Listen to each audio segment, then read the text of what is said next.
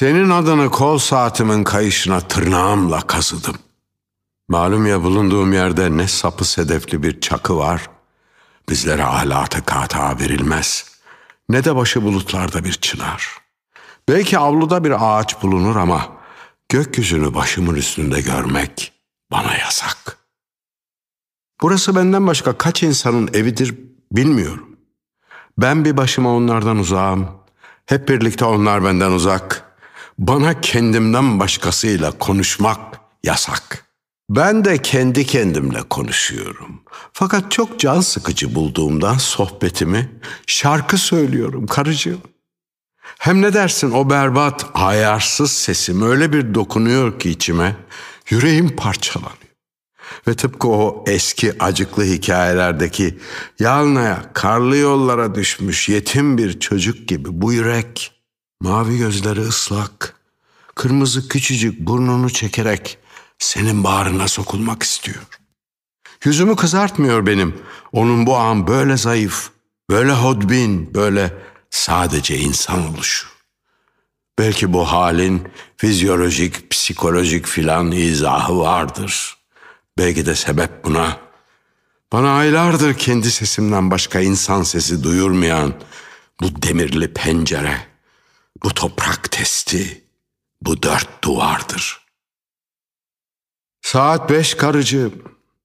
Dışarıda susuzluğu, acayip fısıltısı, toprak damı ve sonsuzluğun ortasında kımıldanmadan duran bir sakat ve sıska atıyla, yani kederden çıldırtmak için içerideki adamı, dışarıda bütün ustalığı, bütün takım taklavatıyla ağaçsız boşluğa kıpkızıl inmekte bir bozkır akşamı. Bugün de apansız gece olacaktır. Bir ışık dolaşacak yanında sakat sıska atın ve şimdi karşımda haşin bir erkek ölüsü gibi yatan bu ümitsiz tabiatın ağaçsız boşluğuna bir anda yıldızlar dolacaktır. Yine o malum sonuna erdik demektir işin. Yani bugün de mükellef bir dağ sıla için yine her şey yerli yerinde işte her şey tamam. Ben ben içerideki adam yine mutat hünerimi göstereceğim ve çocukluk günlerimin ince sazıyla Suzinak makamından bir şarkı ağzıyla yine billahi kahredecek dilin aşağıdımı seni böyle uzak, seni dumanlı eğri bir aynadan seyreder gibi kafamın içinde duymak.''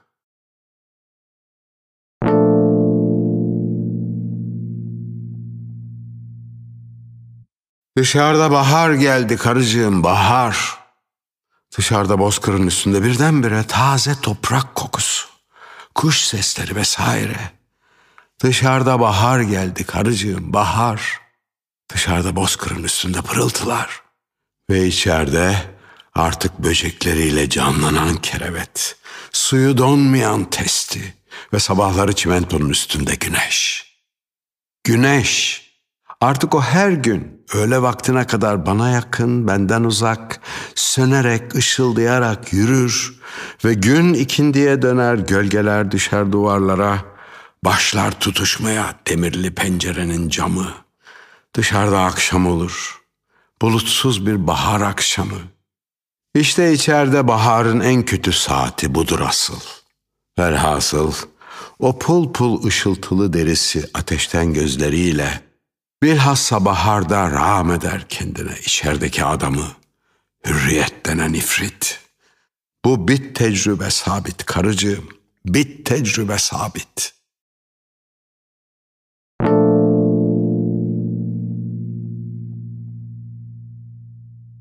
Bugün pazar. Bugün beni ilk defa güneşe çıkardılar.